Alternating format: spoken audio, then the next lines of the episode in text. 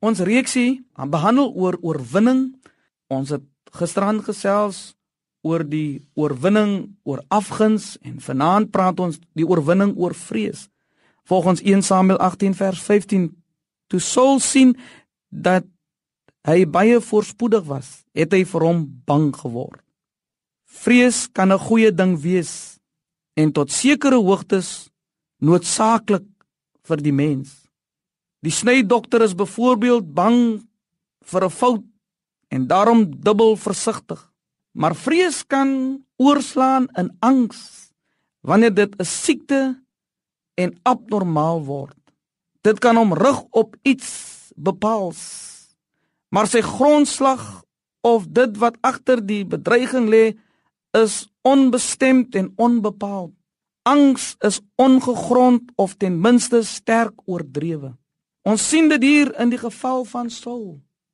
Die magtige koning vrees hier 'n swak onderdaan. 'n Oosterste volk wat mag het oor lewe en dood is magteloos magteloos teenoor die onskuldige man wat by hom agterdog en haat verwek. 3 keer in hierdie hoofstuk lees ons dat Saul bevrees geraak het vir Dawid. Wat was die rede?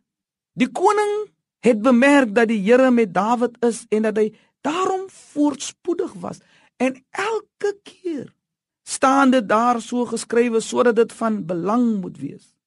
Geliefdes, as ons die Here ook so dien, sal die Here met ons wees.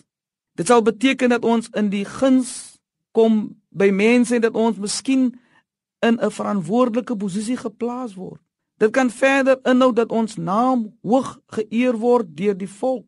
Die Israeliete was beïndruk deur die skoonheid van sy karakter. Maar maar maar dit kan ook meebring dat ons deur 'n ander party gehaat word. Saul was nie alleen bang nie, maar het Dawid begin haat en moorddadige planne beraam. En daarvoor moet elke gelowige bereid wees want die meester het dit beloof in Matteus 5:10 tot 12. Onthou dat agter die vervolging dikwels vrees en angs lê. Ongegrond maar tog so werklik. Vrees hulle nie, maar vrees liewer God wat die siel sowel as die liggaam kan bederwe in die hel. Amen.